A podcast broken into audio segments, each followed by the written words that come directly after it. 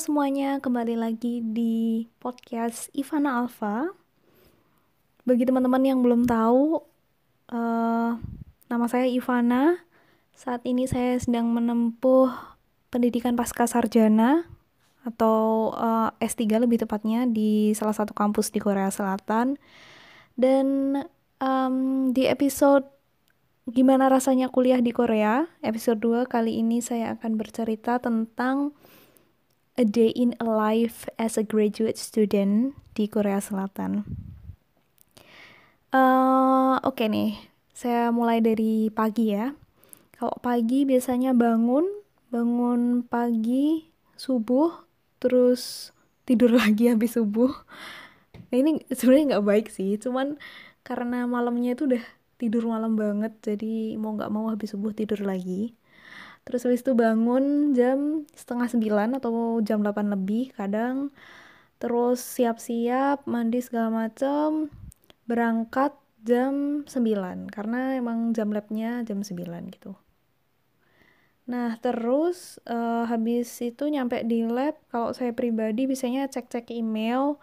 Kalau ada pesan yang masuk atau apa terus cek-cek lagi. Hari itu mau uh, apa aja yang dikerjain apa aja yang harus diselesaikan.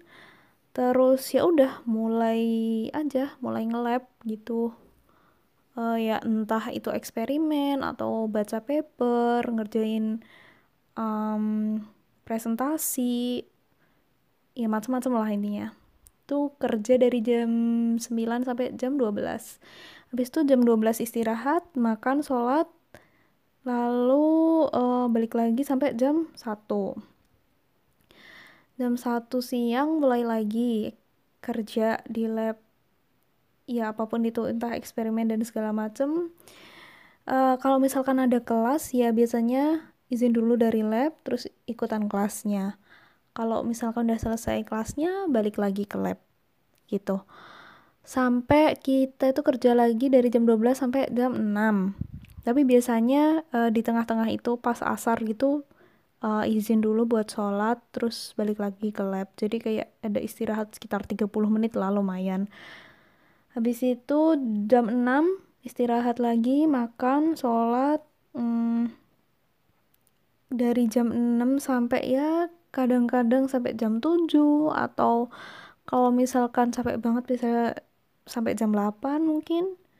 Habis itu jam 8 kadang masih nerusin lagi ngerjain entah itu ngerjain tugas tugas kuliah atau ngerjain yang lain ngerencanain besok mau eksperimen apa atau atau arrange um, laporan eksperimen biasanya.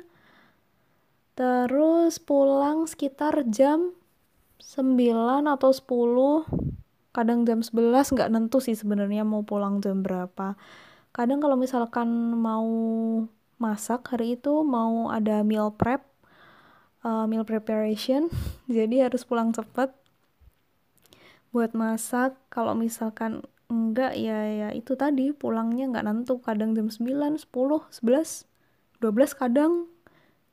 Ya tergantung kerjaannya udah selesai atau belum. Habis itu pulang ke asrama.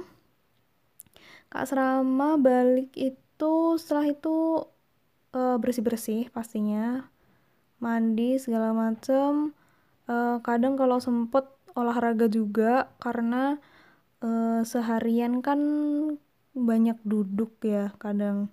Jadi harus tetap olahraga biar tetap fit.